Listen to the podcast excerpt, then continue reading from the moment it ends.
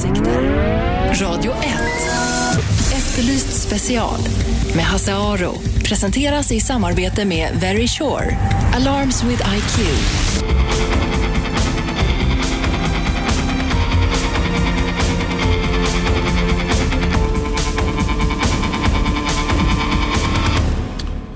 Efterlyst special, välkomna. Hasse Aro heter jag eh, och ni lyssnar på Radio 1, 101,9, Sveriges bästa pratradio. Marina Johansson vars kropp hittades häromveckan blev skjuten genom huvudet. Det uppger Göteborgs-Posten. Marina Johansson har ju varit försvunnen sedan eh, juli, eller hon försvann juli 2010 från sitt hem i Stenungsund på västkusten. Eh, och polisen var övertygad om att hon hade mördats och att det var hennes expojkvän som gjort det. Han häktades i augusti samma år men släpptes igen eftersom det inte fanns några som helst bevis mot honom. Ett halvår senare så upptäcker polisen att man gjort en jättemiss när man undersökt Marinas lägenhet tidigare. I hennes häng ligger nämligen en stor blodfläck som teknikerna helt obegripligt inte sett. Och Det här leder då till att eh, 38-åriga pojkvännen häktas igen och den här gången så går det ända till domstol men utan en kropp så är bevisläget närmast hopplöst. Åklagaren kan ju inte ens med säkerhet fastställa att Marina är död när de inte har en kropp. Så den här ex-pojkvännen frias alltså. Och häromveckan hittades Marinas kropp av en frivillig organisation och att hon mördats, eh, det råder ingen som helst tvivel om. Eh, kroppen var inlindad i ett slags paket, någonting som är mycket sällsynt när det är naturlig död för att uttrycka sig försiktigt. Och GP Göteborgs-Posten påstår alltså att de skjutits genom huvudet. Kammaråklagare Per-Åke Kvarnström vill inte direkt bekräfta den där uppgiften att hon skjutits genom huvudet men Eh, så här säger han i en kommentar.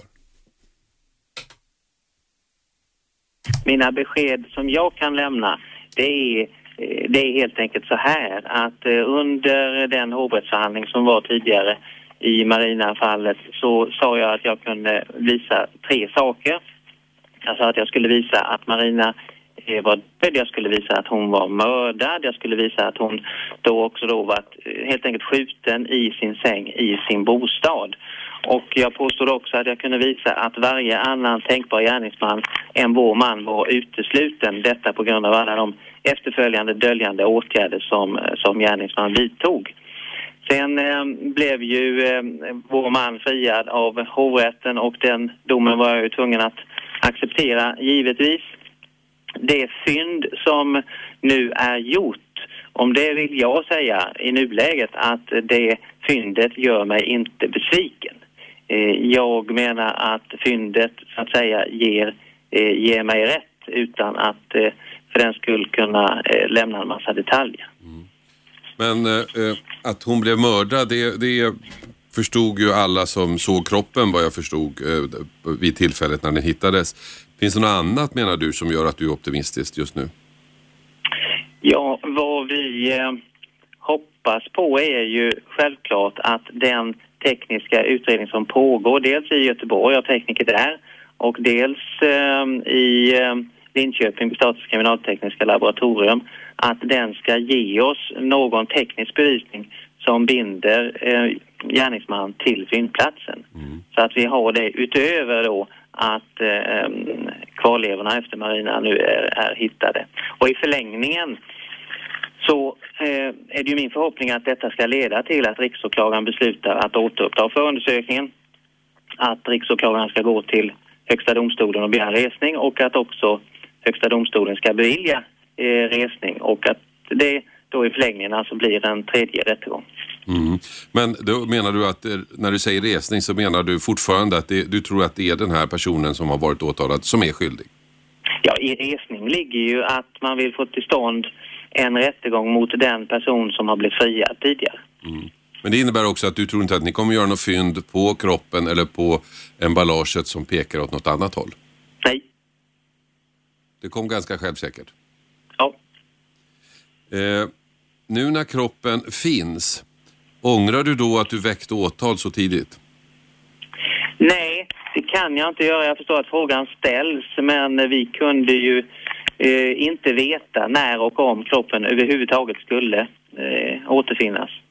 Och eh, den här utredningen eh, startades ju upp i ett visst läge eh, där gärningsman häktades men sen släpptes av den åklagare som då hade inledningsvis. Och eh, del två kan man ju säga startades upp med att polisen sent om sidor visserligen eh, hittade den stora mängden blod som fanns i hennes säng. Och eh, med det fyndet och med annan bevisning som då dök upp, eh, det här hålet i väggen efter kula eh, med mera, eh, då begärdes eh, vår man häktad och sen var det mm, alldeles rätt att dels begära honom häktad och dels gå till domstol. Det kan jag inte tycka någonting annat nu. Det handlar ju om två saker nu kan man säga. Det ena är en polisutredning och det andra handlar om juridik. Om ni hade haft kroppen från början och där hade hunnit, funnits spår som pekade mot er gärningsman eller om ni hittar samma spår på kroppen nu, gör det någon skillnad? Ja, jag vet inte riktigt vad du menar med frågan kanske. Men... Vad jag menar är att nu måste ni, nu måste, om, om ni hittar någonting som binder på kroppen nu, som binder honom till gärningen. Eh, det, ni, du säger att ni måste begära resning och sådana saker, men är det bara praktikaliteter eller blir det svårare trots samma bevisläge? Det kanske kan upplevas som att vi nu eh, har en än tuffare väg att nå fram till en fällande dom eftersom det är prövat eh, två gånger utav, mm. utav domstol såklart. Men... Eh, nu, nu, nu måste vi ju få till att Högsta domstolen beviljar eh, resning och ja, om det blir så, det vet jag ju naturligtvis inte än. Däremot är jag väl rätt självsäker i att hade vi haft all bevisning som nu finns, eh, fyndet, om allt det hade legat på bordet eh, när vi hade hovrättsförhandlingen så hade nog eh, slutet blivit ett annat. Mm. Men om ni nu hittar, säg ett DNA på kroppen som binder eh, den här mannen till eh, kroppen och till mordet. Är det mindre värt idag än vad det hade varit vid, vid förra rättegången? Det tror jag inte. Däremot så kan det ju finnas spår som kan förklaras bort så att vi hoppas ju på teknisk bevisning som inte kan förklaras bort av gärningsman. Mm. Den här utredningen har ju varit uppmärksammad och det, den har ju kantats då, eller kan man säga solkats lite grann av två stora misstag. Först en missad blodflock, först en missad blodfläck och sen en kropp som inte hittades. Hur kommenterar du det? Ja, tittar man i backspegeln så är det ju svårt att förstå att polisens tekniker inte eh, mer noggrant undersökte sängen. Det har jag sagt hela vägen. Men så var det. Eh, vid det tillfället så, så letade man inte efter en brottsplats, man letade efter en försvunnen person. Det fanns med likhundar som inte markerade i huset. Så att det fanns förklaring till att polisen inte undersökte mer än vad de eh, gjorde. Men återigen, tittar man i backspegeln så framstår det som, som eh, märkligt. Eh, vad gäller att polisen inte kunde hitta eh, det var andra än polisen som gjorde det här fyndet nu. Ja, poliserna har berättat att de har sökt något kopiöst efter eh, Marina och kvarlevorna efter henne och eh, ja, inte lyckats. Eh, vad gäller den här organisationen som nu ändå hittar henne så är det ju eh, ja, det enda jag vill säga om det är ju att det är oerhört bra att de gjorde fyndet och att eh, framförallt familjen till slut fick ett eh, klart besked. Sa alltså Per-Åke Kvarnström som är åklagare i fallet Marina Johansson vars kropp hittades härom veckan och som nu är inne på eh, undersökning hos eh, rättsmedicinarna. Eh, och frågan är alltså om det på, någon, på kroppen finns någonting som kan binda någon vid eh, gärningen. Och som ni hörde så är ju Per-Åke Åkesson, eh, förlåt, Per-Åke Kvarnström helt övertygad om att en 38-åring som han har haft eh, både häktad och åtalad tidigare är skyldig trots att han gått fri. Och det här är naturligtvis något som 38-åringens försvarsadvokat Mikael Hansson är kritisk till, eller hur Mikael? Ja, det stämmer. Jag är väl lite förvånad att man med en gång börjar ropa på skuld på honom igen här när man har i två instanser haft bristfällig utredning tidigare. Mm. Eh, hur tar han det här? Ja, han tar väl det med ro än så länge. Det är ju ingenting som är aktuellt för honom eh, i nuläget. Mm.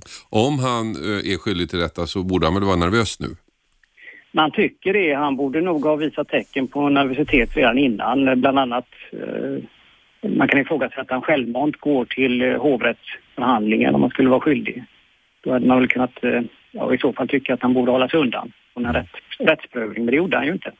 Om han är oskyldig så är väl det här goda nyheter för honom också att kroppen nu är hittad och att man kan leta spår på den? Ja, absolut. Det, det här är ju en tidigare livskamrat till honom så att uh, han, han väl har varit samma oro för honom och han vill väl säkert också ha reda på vad som har hänt Marina. Vad finns det för risker med att åklagaren nu så självsäkert pekar ut din, din klient som gärningsman? Ja, jag, jag är faktiskt lite pass för att, att eh, jag råkade ju se på tvn första gången man, man så att säga, startade det här ärendet för två år sedan och då var det en polis som redan då deklarerade eh, misstanken mot ett visst håll och att det var ett mord. Och eh, man har ju jobbat så hela tiden. Och det är ju alltså en ren gissning man jobbar ut eftersom och, och man har ju liksom då styrt en förundersökning och försöka hitta saker som talar emot min huvudman istället för att utreda vad som har hänt Marina och det tycker jag är lite konstigt.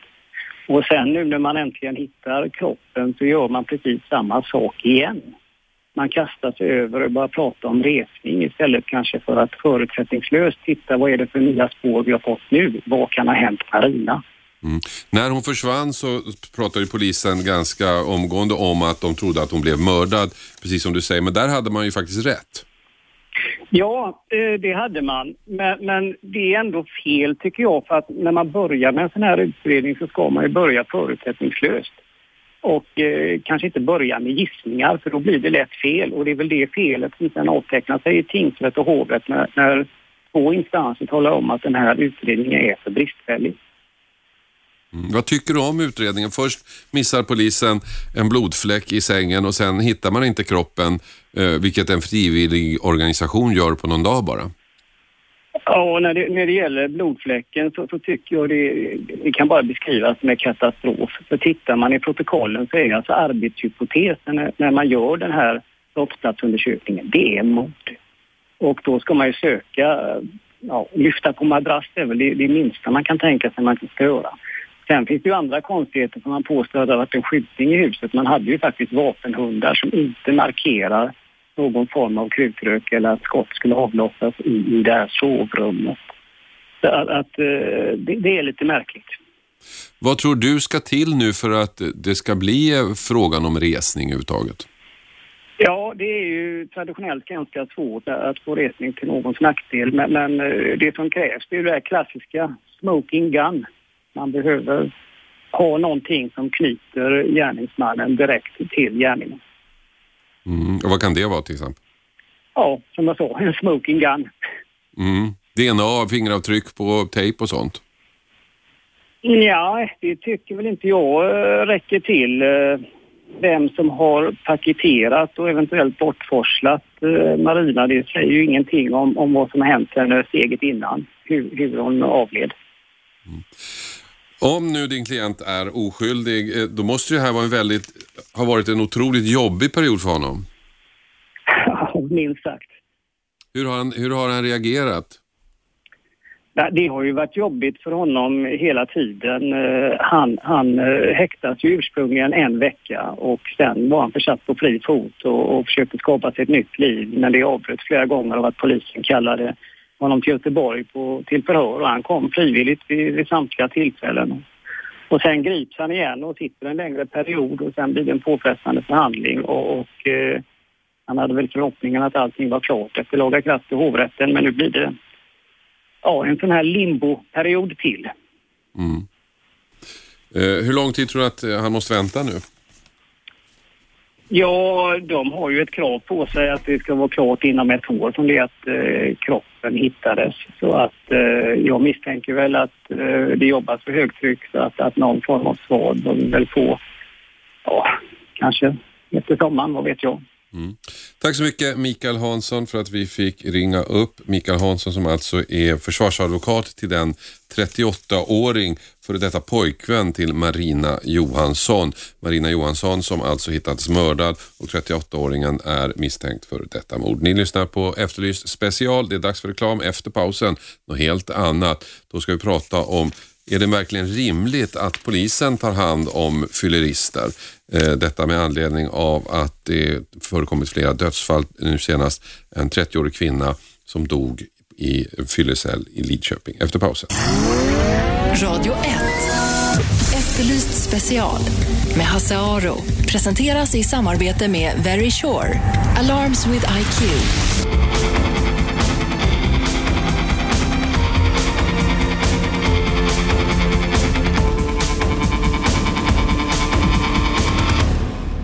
Välkomna tillbaka till Efterlyst special. Vi ska prata om något helt annat än det vi gjorde före pausen. Vi ska nämligen prata om fylleceller. Fylleceller är ju ett, eh, alla vet ju vad det är, det är där man hamnar om man är för full. Polisen tar hand om en, kör en till fylleceller och där får man sen nyktra till är tanken. Det är inte alltid det går så här. Mitt på dagen den 29 februari i år så får polisen i Lidköping ett larm. En kvinna raglar runt på gatan till synes oförmögen att ta hand om sig själv.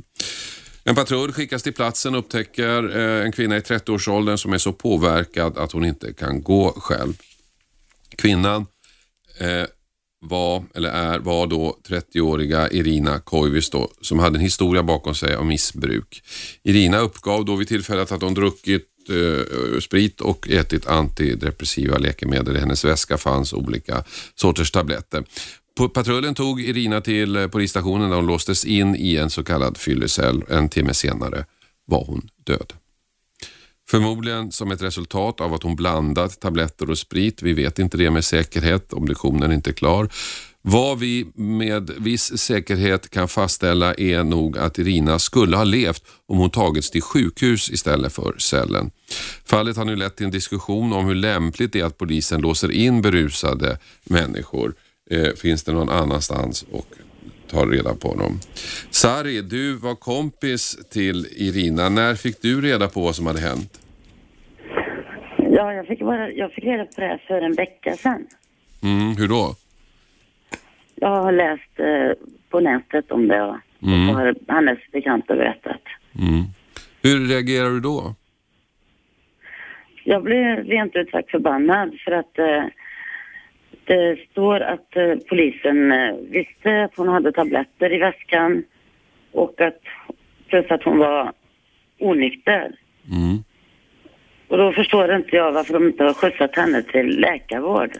För om det finns eh, en bild, om det är oklart, att man kanske, om man inte vet hur mycket tabletter man har ätit eller hur mycket man har druckit. Och då tycker jag att eh, om det finns risk för en eh, dödande intoxikation, då måste man ju snarast möjligt till sjukhus. Då kan man inte slänga någon i en fyllecell. Nej.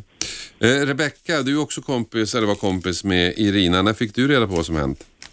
Eh, jag fick reda på det när det sändes på radio här för två dagar sedan. Mm. Och hur reagerar du? Eh, ja, först var det väl... Eh, ja, först blev jag väl förbannad då, och sen så ja, blev jag väl ledsen och... Det var mycket känslor på en gång. Mm. Så. Eh, nu har ju Irina blivit en slags symbol för, för det, det här polisens sätt att ta hand om fyllon och att det ibland kan gå snett. Men om vi försöker gå lite djupare än så, Sari, vem var, hur var Irina? Vem var hon? En glad, eh, gullig tjej så, som eh, ja, led av depression och eh, som senare även av missbruk av tabletter. Mm. Men det var en positiv tjej. Mm. hur, hur lärde ni känna varandra? Ja, vi låg på sjukhus samtidigt i tre veckor så att då, dygnet runt, så då hann vi ju prata mycket med varandra. Mm. Vad var det hos henne tycker du som du liksom fastnade för? Vad, var det hos henne som du tyck, fastnade för, som du gillade? Ja, hon var öppen och rak och sa precis som hur saker och ting var. Mm. Det var inget knussel. Rebecka, vad säger du? Vad var, vem var Irina? Ja, hon var ju en ärlig människa.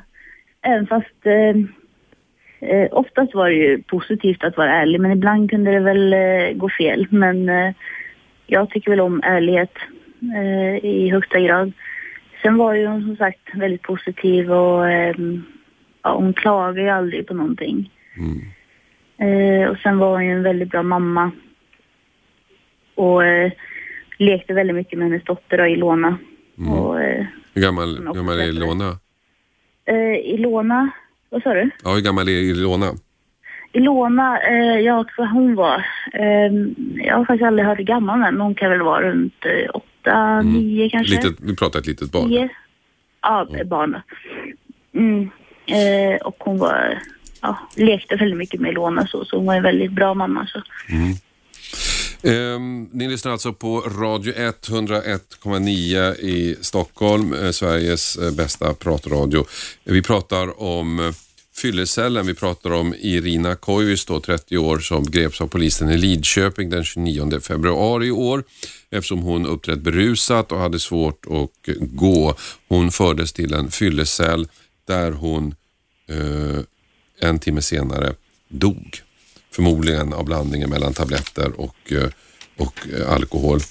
Eh, Sari, vad tycker du man skulle ha gjort istället? Man skulle ha skjutsat henne till eh, närmaste sjukhus så att hon skulle få sjukvård och där kunde de kanske se lite bättre om hon var förgiftad av eh, tabletter och alkohol så att hon fick hjälp direkt och magpumpning eller någonting. Mm. För jag är helt övertygad om att då hade hon fortfarande levt. Vad tror du var anledningen till att eh, eh, man inte gjorde det? Jag vet inte, jag... Ren eh, lathet eller om de tycker att de är så kompetenta poliserna men förmodligen så är de ju inte det eftersom hon dog efter en timme. Mm. Plus att eh, de hade ju sett att hon hade tablettburkar i vaskan och, Mm. och eh, så jag kan inte förstå hur de kunde slänga henne i en fyllecell. Rebecka, vad säger du? Var, var, varför tror du att de åkte till, till fängelse, eller till häktet istället för till sjukhuset? Alltså de här senaste två dagarna, alltså sen jag fick reda på det här, så det är det enda jag har suttit och funderat på. Varför har de inte kört henne till sjukhus? Mm. Eh, och, och det var ett stort frågetecken i mitt huvud. Jag, vilken människa som helst, hur outbildad man än är, så förstår man ju att hittar man tabletter och misstänker det här så kör man ju människan till sjukhus. Mm. Men det, det minsta lilla anledning det är väl om man vill människan illa som jag förhoppningsvis verkligen hoppas och tror att de poliserna inte vill. Så, eh, eller att eh, de är alltså inte kompetenta nog och förstår att tabletter och plus alkohol kan döda en människa. Det, det är de enda två orsakerna jag kan komma på att de inte har kört den till sjukhus. Mm. Rebecka, häng kvar. Siri, häng kvar du också. Vi ska fortsätta prata om eh, Irina som alltså dog i polisens fyllecell. Vi ska höra vad eh, eh, polisen har att säga. Vi har intervjuat eh, den högsta polischefen här och vi ska också höra Olof Blixt, överläkare på Beroendekliniken i Jönköping. Jag förstår att du redan är med, med, oss, med oss, Olof. Jag sitter här och lyssnar, ja. Ja, vi ska ta reklam först och efter pausen ska vi höra eh, hur det här skulle kunna undvikas. Så stanna kvar. Radio 1. Efterlyst special med Hasse Aro. Presenteras i samarbete med Very Sure. Alarms with IQ.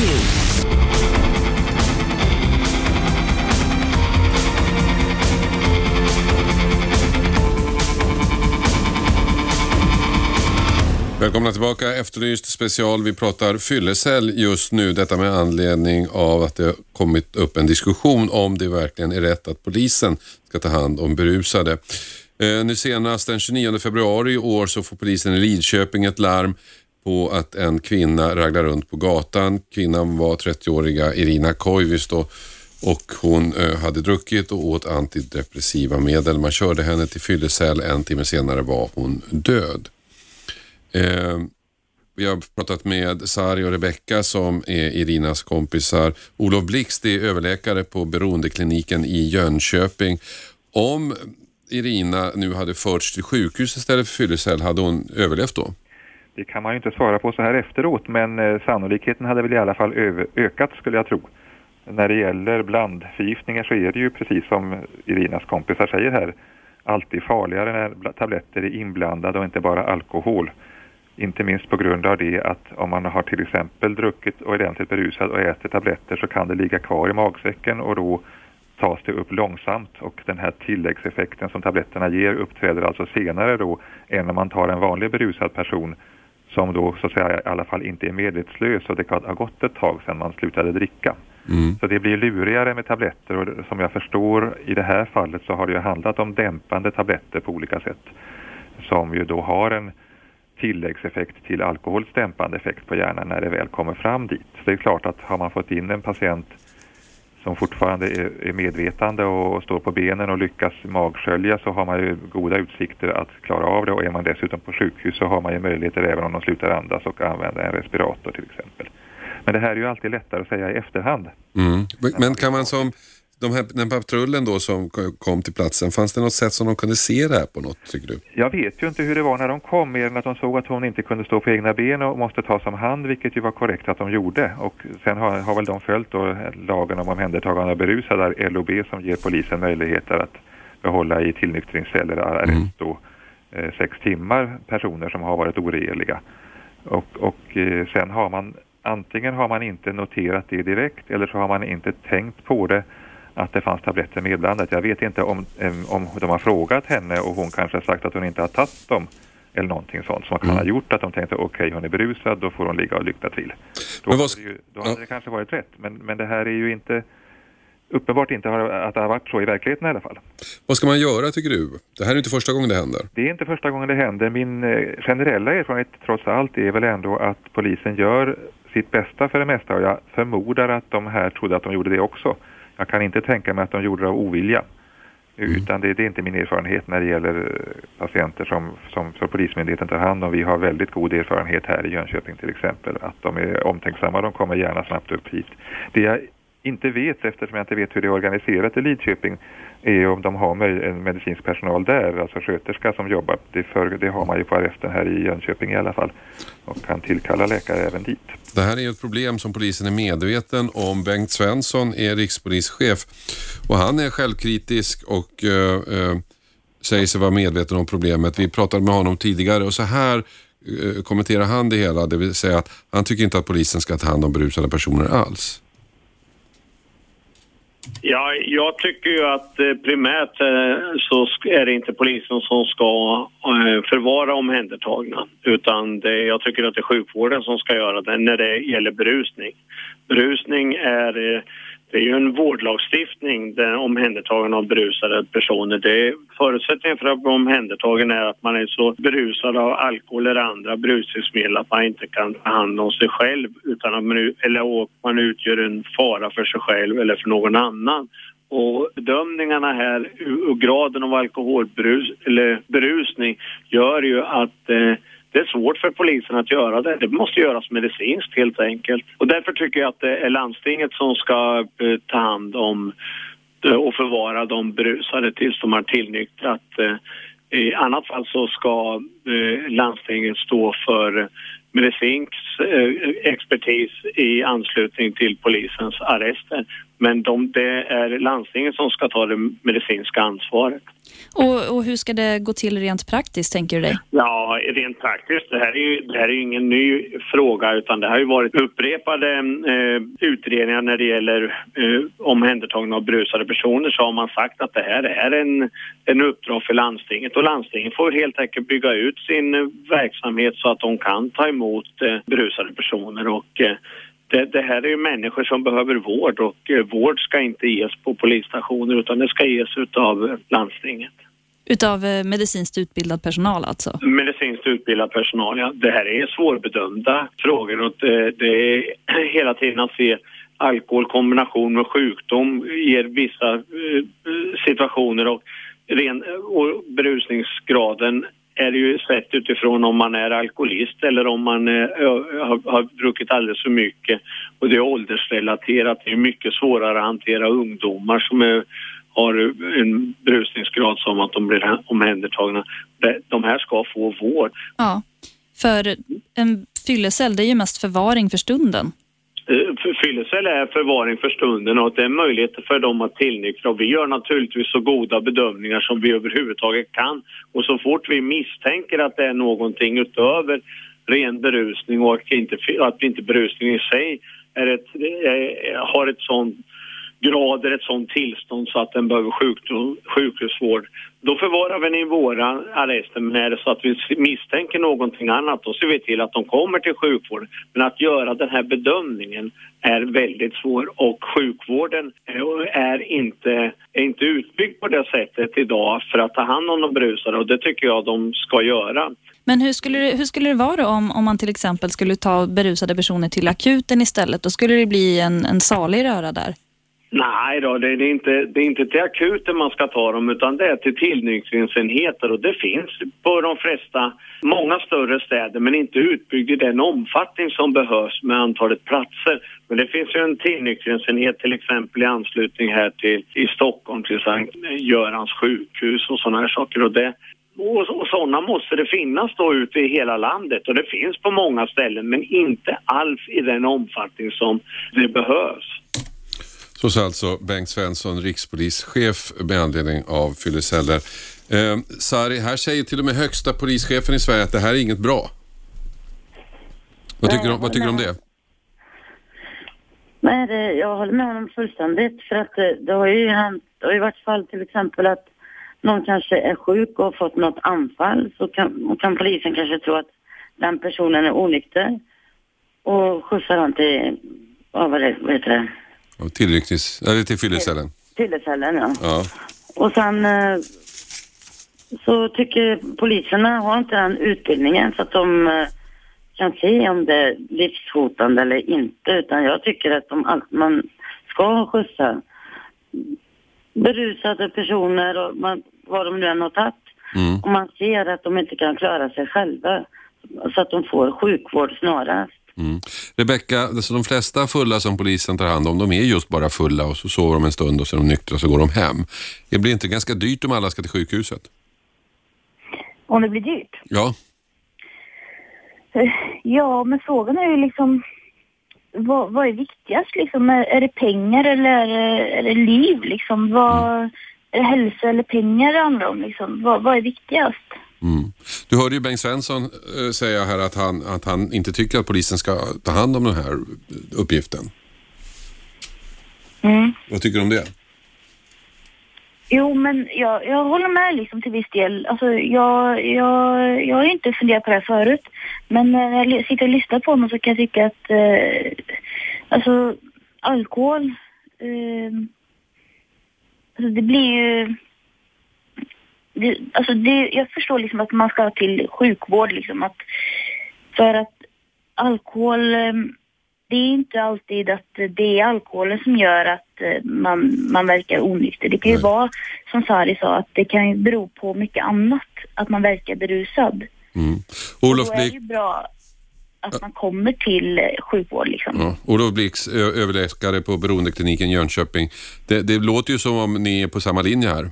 Ja, alltså det är ju så att det är inte en sån lätt, helt lätt fråga för att tittar vi rent medicinskt på det så om vi säger en, ett vanligt fyllo som inte kräks eller mm. läggs i en sån ställning att de inte kan andas in sina egna spyor vilket är en av de vanligare dödsorsakerna vid vanlig alkoholförgiftning att man alltså mm. eh, somnar och så kräks man och så sover man och så andas man in det och så slutar man ju då andas naturligtvis. Det ska man ju ligga på sjukhus för att säkra och det är ju det vi gör när vi skickar våra patienter till medicinakuten för att de ska observeras tills de nyktrar till. Det är de svåraste fallen. Sen har vi ju gränsfallen som ligger mitt emellan någonstans. Där räcker det ju egentligen med att ligga någonstans i skydd och, och nyktra till, alltså att man inte fyller på fyllan. Och där kan man ju säga, det är väl där man har tänkt sig i alla fall att, att tillnyktringscellerna ska komma in i det mm. hela. Men då krävs det att man har en fungerande sorteringsverksamhet i alla fall. Jag är så gammal nu så att jag var ju med när vi hade tillnyktringsenhet på Ulleråker där jag jobbade för, för 70-talet då. Och det fungerade ju rätt hyggligt. Då kom ju alla alkoholister dit med polisens försorg och så vidare. Och så fick de ligga och tillnyktra till dagen efter och de som då sen behövde abstinensbehandling, vilket är nästa steg ifall de hade druckit länge. Då är det ju farligt att vara ute om man inte man får en abstinensbehandling och kan få kramper och dö i det. Då, är, då behöver man ju ligga inne på sjukhuset, då läggs man in och skrivs in. Men annars så hade man en sån här poliklinisk, som det kallades för, observationsavdelning då, där patienterna låg över natt bara och så vanpersonal gick och kikade på dem då så tätt som det behövdes enligt bedömning. Sen är det de här komplicerade fallen där tycker jag man nog bör ha en regel att man måste passera en medicinsk bedömning innan man kan ligga på en eh, arrestcell. Och jag kan ju tycka att det känns lite konstigt också att det ska vara inom polisvården. Det är ju en ordningsfråga när man talar om mm. berusning och störande av allmänheten och allmänna ordningen. Men när man kommer över till att det är en, förgiftning och risk för medicinska komplikationer, då går det över till sjukvården. Mm. Och i, vi har ju haft mellansituationer där socialtjänsten har haft tillnyktringsenheter.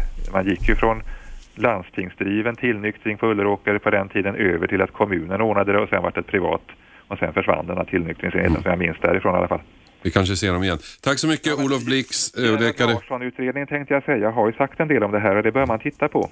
Bra. För att jag tror också att det kan behövas justeringar. Så. Tack så mycket Olof Blix, överläkare på Beroendekliniken Jönköping. Tack också Sari och Rebecka, kompisar till 30-åriga Irina Koivis då, som alltså dog en timme efter att hon omhändertagits av polisen i Lidköping. Det här är Radio 1, Efterlyst special, 101,9 Stockholm. Radio 1. Efterlyst special med Hasse Aro presenteras i samarbete med Very Sure. Alarms with IQ.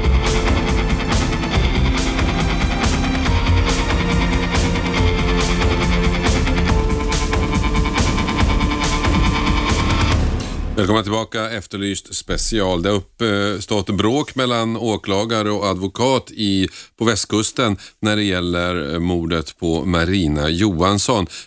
Marina Johansson försvann, Johansson försvann ju i slutet av 2010 från sitt hem i Stenungsund. Kort därefter så blev hennes 38-årige expojkvän häktad men släpptes igen eh, för brist på bevis. Eh, när man så hittat blod i Marinas säng så eh, blev pojkvännen häktad igen och dessutom ställd inför rätta men gick fri eftersom det inte fanns någon kropp. För ett par veckor sedan hittade ett Marinas kropp och nu menar åklagaren då att eh, Per-Åke Kvarnström att nu har han de bevis som han behöver för att gå vidare med just 38-åringen. Han är helt övertygad om att det är 38-åringen som är skyldig till mordet.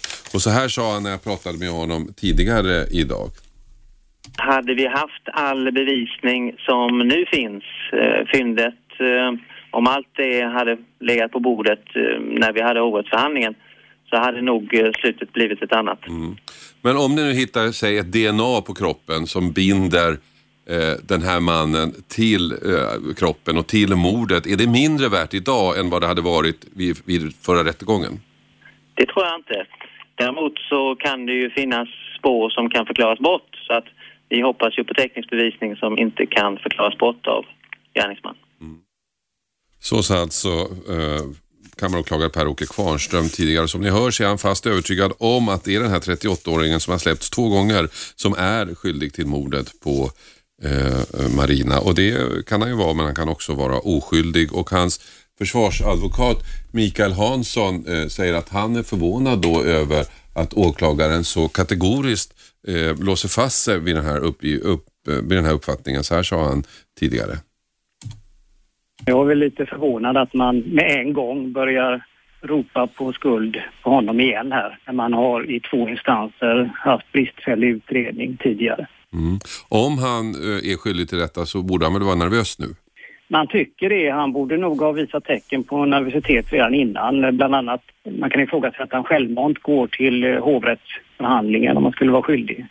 Då hade man väl kunnat, eh, ja, i så fall tycka att han borde hålla sig undan från en rätt, rättsprövning, men det gjorde han ju inte. Om han är oskyldig så är väl det här goda nyheter för honom också att kroppen nu är hittad och att man kan leta spår på den? Ja absolut, det, det här är ju en tidigare livskamrat till honom så att uh, han, han väl har varit samma oro för honom och han vill säkert också ha reda på vad som har hänt Marina. Vad finns det för risker med att åklagaren nu så självsäkert pekar ut din, din klient som gärningsman? Ja, jag, jag, är faktiskt lite pass för att, att eh, jag råkade ju se på tvn första gången man, man så att säga, startade det här ärendet för två år sedan och då var det en polis som redan då deklarerade eh, misstankar mot ett visst håll och att det var ett mord. Och eh, man har ju jobbat så hela tiden. Och det är ju alltså en ren gissning man jobbar ut eftersom. Och, och man har ju liksom då styrt en förundersökning och försöka hitta saker som talar emot min huvudman istället för att utreda vad som har hänt Marina och det tycker jag är lite konstigt. Och sen nu när man äntligen hittar kroppen så gör man precis samma sak igen. man kastar sig över och börjar prata om resning istället kanske för att förutsättningslöst titta vad är det för nya spår vi har fått nu? Vad kan ha hänt Marina? Mm. När hon försvann så pratade polisen ganska omgående om att de trodde att hon blev mördad, precis som du säger. Men där hade man ju faktiskt rätt. Ja, eh, det hade man. Men, men, det är ändå fel tycker jag för att när man börjar med en sån här utredning så ska man ju börja förutsättningslöst. Och eh, kanske inte börja med gissningar för då blir det lätt fel och det är väl det felet som sedan avtecknar sig i tingsrätt och hovrätt när, när två instanser talar om att den här utredningen är för bristfällig. Mm. Vad tycker du om utredningen? Först missar polisen en blodfläck i sängen och sen hittar man inte kroppen, eh, vilket en frivillig organisation gör på någon dag bara. Ja, när det, när det gäller blodfläcken så, så tycker jag det, det, kan bara beskrivas med katastrof. För tittar man i protokollen så är alltså arbetshypotesen när, när man gör den här brottsplatsundersökningen, det är mord. Och då ska man ju söka, ja, lyfta på madrass det är väl det, det minsta man kan tänka sig man ska göra. Sen finns det ju andra konstigheter som man påstår att det har varit en skjutning i huset. Man hade ju faktiskt vapenhundar som inte markerar någon form av krutrök eller att skott skulle avlossas i, i det här sovrummet. Vad tror du ska till nu för att det ska bli frågan om resning överhuvudtaget? Ja, det är ju traditionellt ganska svårt att få resning till någons nackdel. Men, men eh, det som krävs det är det här klassiska smoking gun. Man behöver ha någonting som knyter gärningsmannen direkt till gärningen.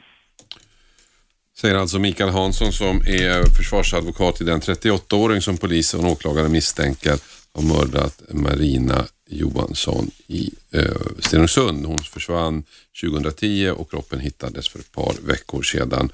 Eh, åklagaren säger sig alltså vara övertygad om att 38-åringen är skyldig och att fyndet av kroppen nu ska leda till att eh, han kan begära resning och åtala 38-åringen igen. Han gick ju fri förut eftersom det inte fanns någon kropp och därmed kunde åklagaren inte ens bevisa att eh, Marina ens var död utan kropp. Men nu har kroppen hittats. Försvarsadvokaten tycker dock att det är lite konstigt att man låser fast sig vid hans klient. Och vi får se hur det här ärendet slutar. Har vi tur så kommer eh, polisens tekniker att hitta spår på kroppen. Spår som, som visar att eh, vem som möjligen har skyfflat undan kroppen. Men som försvarsadvokaten mycket riktigt påpekat, det innebär ju inte att samma person har mördat Marina. Därmed är Efterlyst special slut för idag.